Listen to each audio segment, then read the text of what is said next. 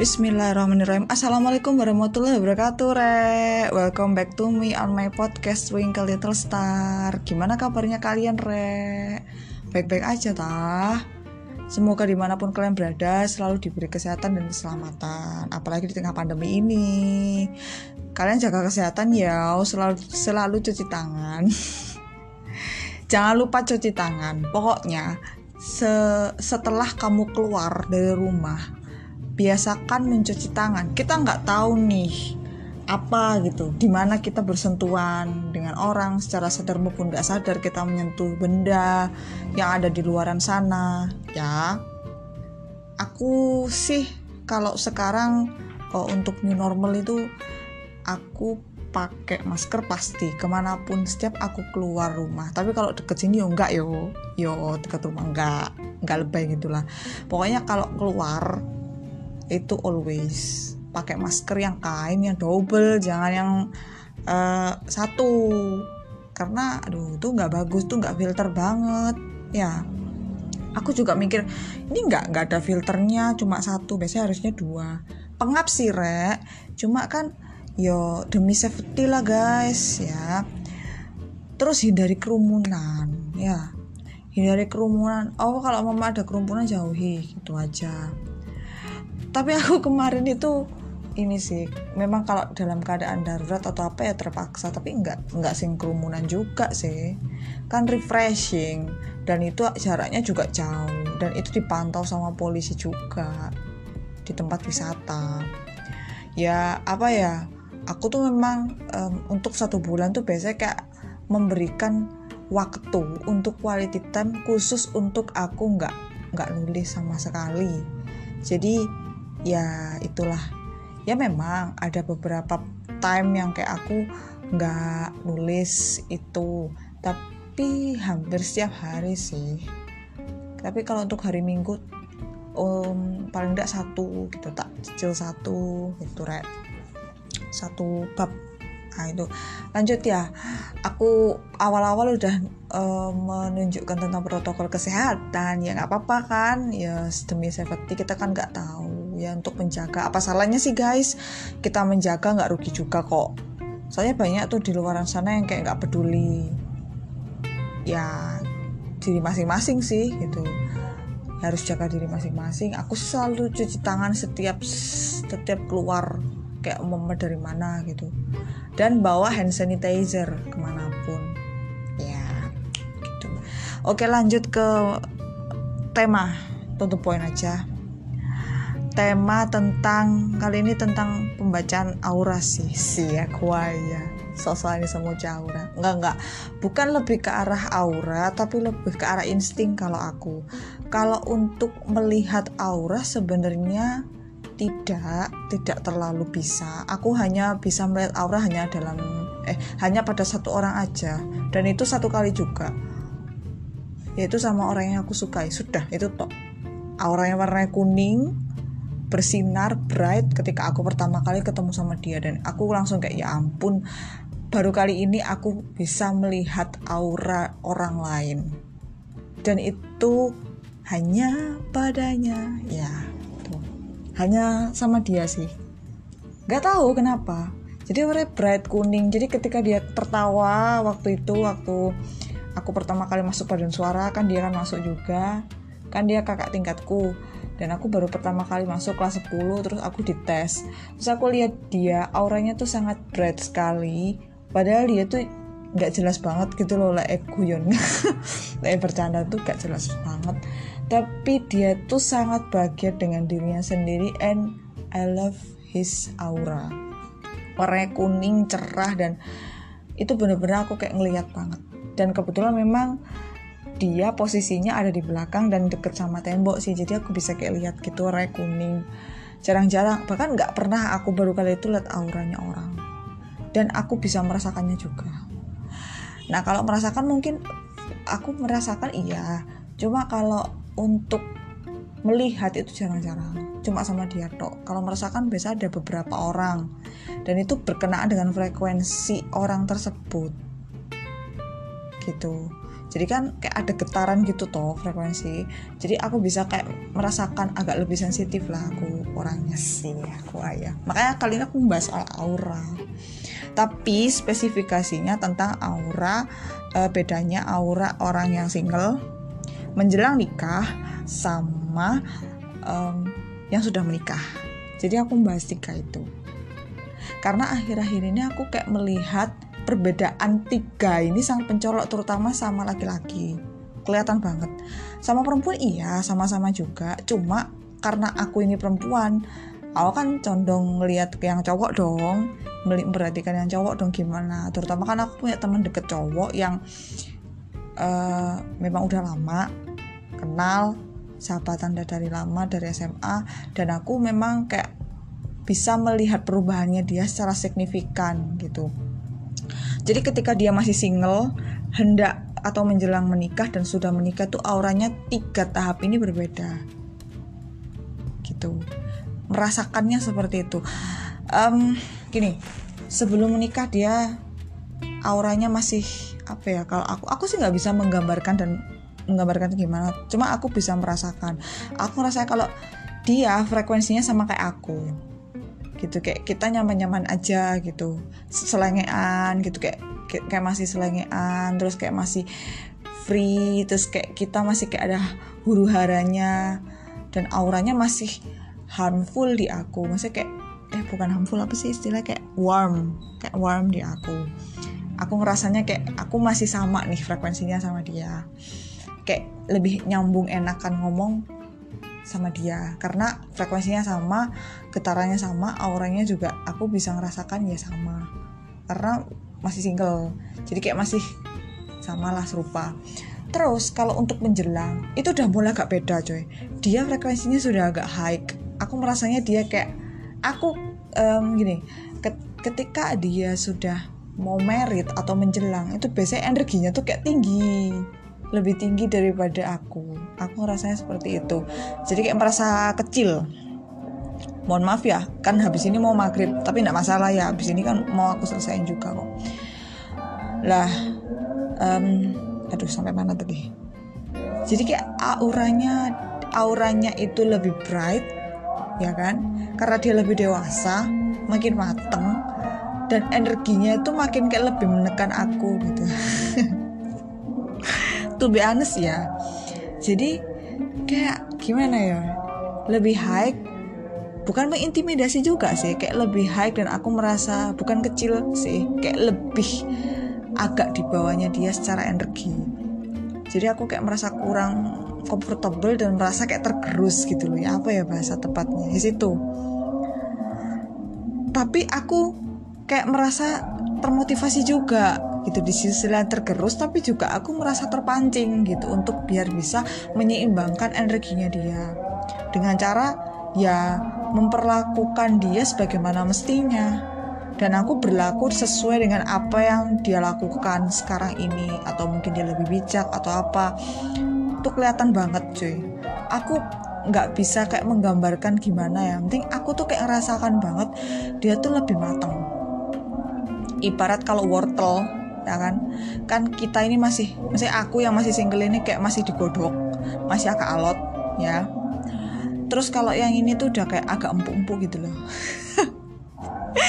Kalau yang yang menjelang nikah apalagi yang udah nikah.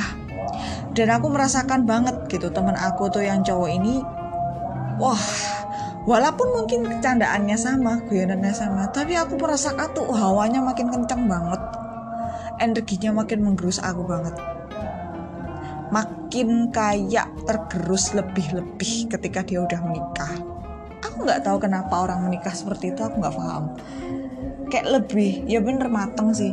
Jadi kalau ibarat ya kalau yang udah merit itu ibarat udah empuk banget siap untuk dimakan.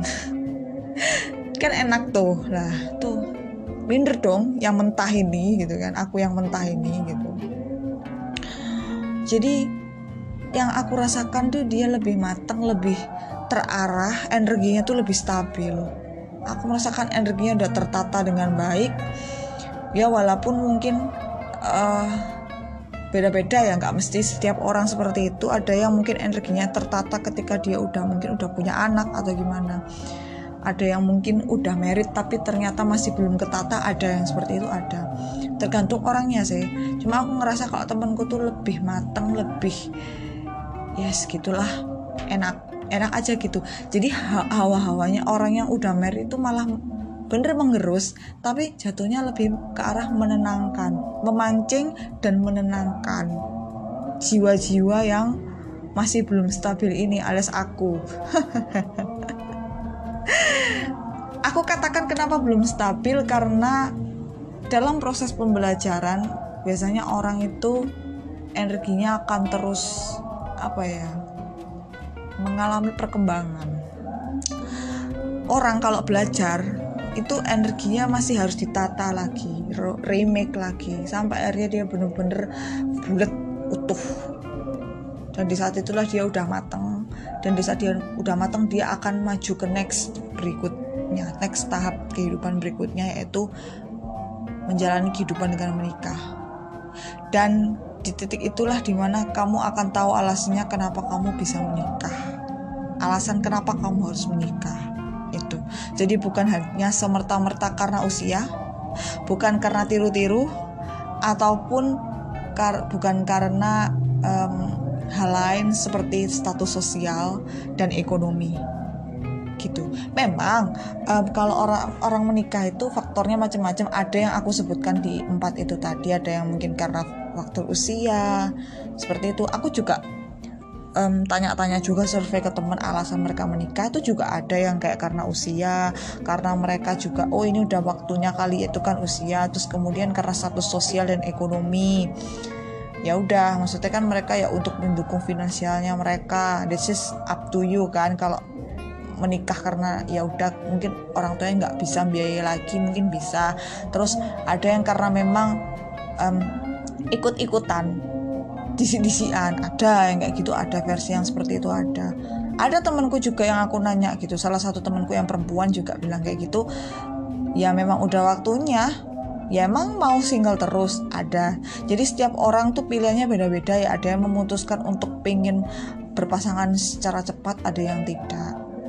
Nah yang tidak ini termasuk saya.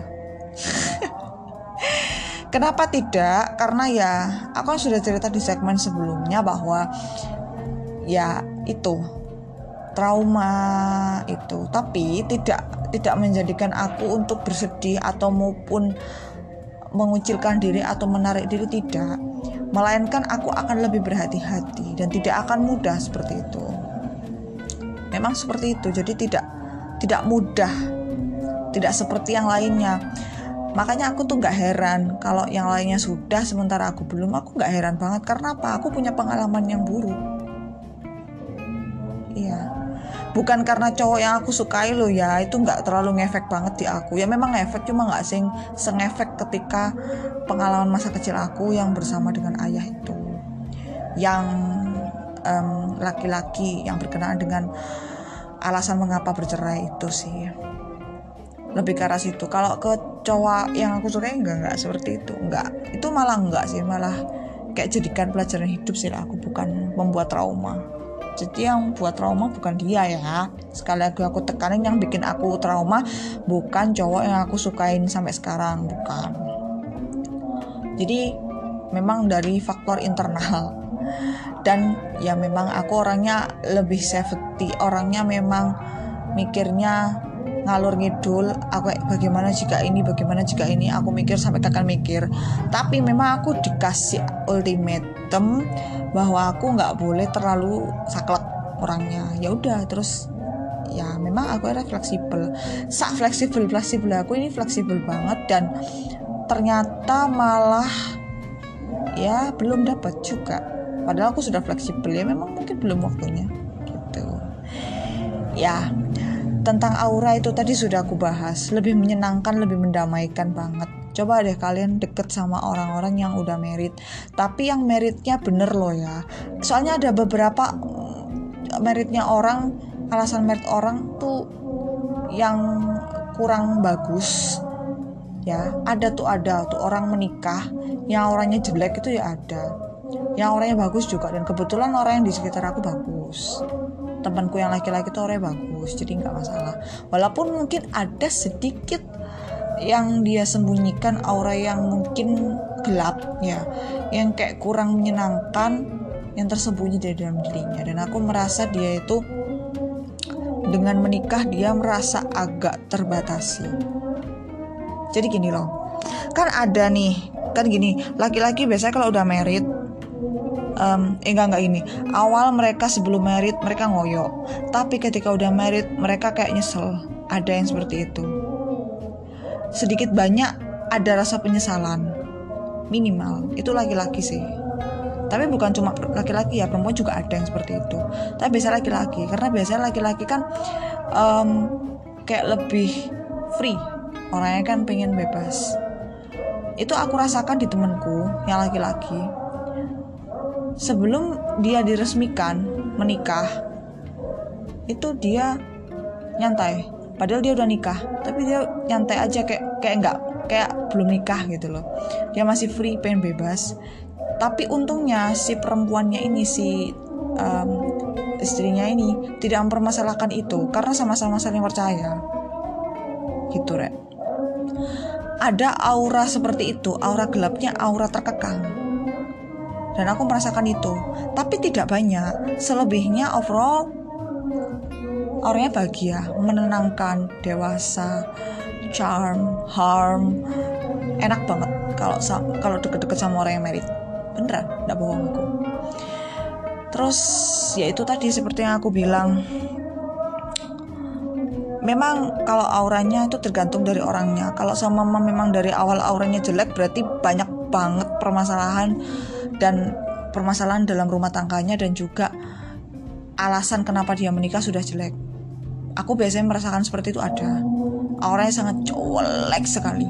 Ada aku nemu satu oh eh, bukan satu sih beberapa ya.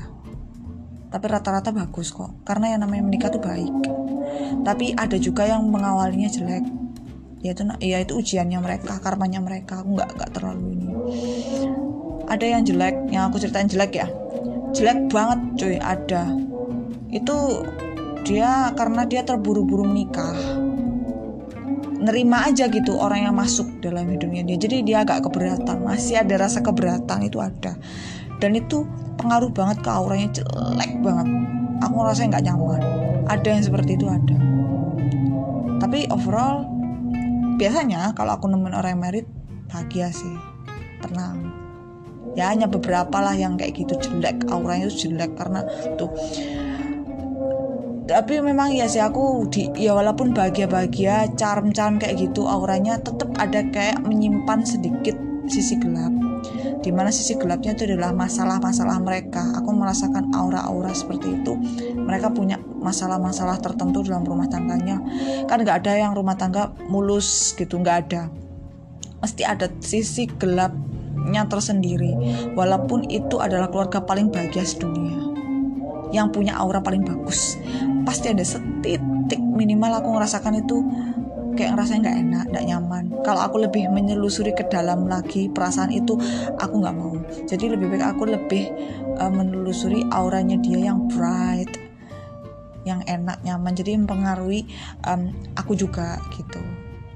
Nah, seperti itu guys kira-kira pembacaan aura uh, yang pembacaan aura orang yang merit eh orang yang sudah merit dan yang menjelang merit dan juga yang masih single. Jadi beda ya. Tapi ada juga kok ya guys, ada yang sudah stabil tapi masih belum merit ada. Jadi macam-macam ya. Jadi di setiap satu jenis kayak yang belum merit, yang menjelang merit, yang sesu yang sudah merit itu masing-masing juga punya sisi terang dan sisi gelap tersendiri. Gitu. Ada yang memang ada yang udah auranya enak dari sononya walaupun belum merit itu juga ada. Jadi macam-macam. Ini aku cuma sharing pengalaman aku aja. Biasanya orang yang udah merit energinya akan terbentuk dengan sangat bagus dan memancarkan energi yang baik ke orang sekitar termasuk orang yang peka kayak aku. Rata-rata orang yang married seperti itu walaupun tidak semua. Dan orang yang single juga um, tidak semuanya energinya tidak stabil. Maksudnya tidak semuanya tidak stabil lah ada juga yang tenang charm karena memang dia anu love herself or himself. Mencintai dirinya sendiri itu auranya dahsyat banget tinggi, tinggi loh itu auranya. Tuh kayak seneng gitu happy memberikan kebahagiaan pada orang-orang yang ada di sekitarnya yang bisa merasakan aura tersebut. Seperti itu uh, mungkin cukup sampai di sini dulu penjelasannya. Kurang lebihnya aku mohon maaf ya. Kalau mungkin kecepatan atau mungkin terlalu lama atau berbelit-belit mohon maaf. Tapi intinya itu aku berbagi pengalaman tentang aura pembacaan aura orang yang dalam tiga golongan tadi. Yang masih single yang hendak merit sama yang sudah merit. Itu itu gambaran penglihatan eh, bukan penglihatan sorry yang aku rasakan. Aku nggak bisa lihat ya guys. Hanya orang tertentu saja yang bisa aku lihat cuma satu orang doang untuk pembacaan aura. Gitu. Aku aku cenderung merasakan lewat sini hati. Ya. Dah segitu dulu. Ini bener-bener pamit. Mohon maaf bila ada salah-salah kata berbelit-belit gak jelas kurang dimengerti. Kalau kurang dimengerti ulangi lagi rek. Ya ulangin lagi oh ini maksudnya ini. Coba diresapi perkatanya pelan-pelan didengerin. Kalau kalian memang benar-benar pengen paham sama maksud dari ucapanku podcast ini ya di podcast ini gitu. Ya sekian dulu. Terima kasih banyak buat yang sudah mengikuti mulai dari awal sampai akhir. I love you guys. Dan bagi yang baru bergabung hai ini aku Twinkle Little Star. Semoga bisa menginspirasi ya semoga betah-betah ya yang baru-baru. Oke terima kasih yang sudah mendengarkan. Jangan lupa untuk di favorit ya di like dan yang mau gabung sekali lagi bagi yang mau gabung podcast silahkan. Monggo aku dengan senang hati kita bisa sharing-sharing tentang relationship spiritual boleh anything. Ya Oke, okay. thank you sudah mendengarkan. Terima kasih sudah meluangkan waktu untuk mendengarkan recehan ini. Mohon maaf um, bila ada gangguan-gangguan, ya bukan gangguan sih. Kayak ke distract atau gak jelas gak jelas banget. Aku kayak um, sering berjeda-jeda gitu ya. Itu kan termasuk gangguan ya. Tuh mohon maaf ya. Mohon maaf yang sebesar-besarnya. Oke, terima kasih.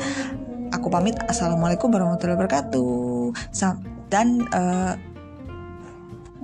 sampai jumpa di next podcast selanjutnya. Ikutin terus ya jangan sampai gak ngikutin lo bye bye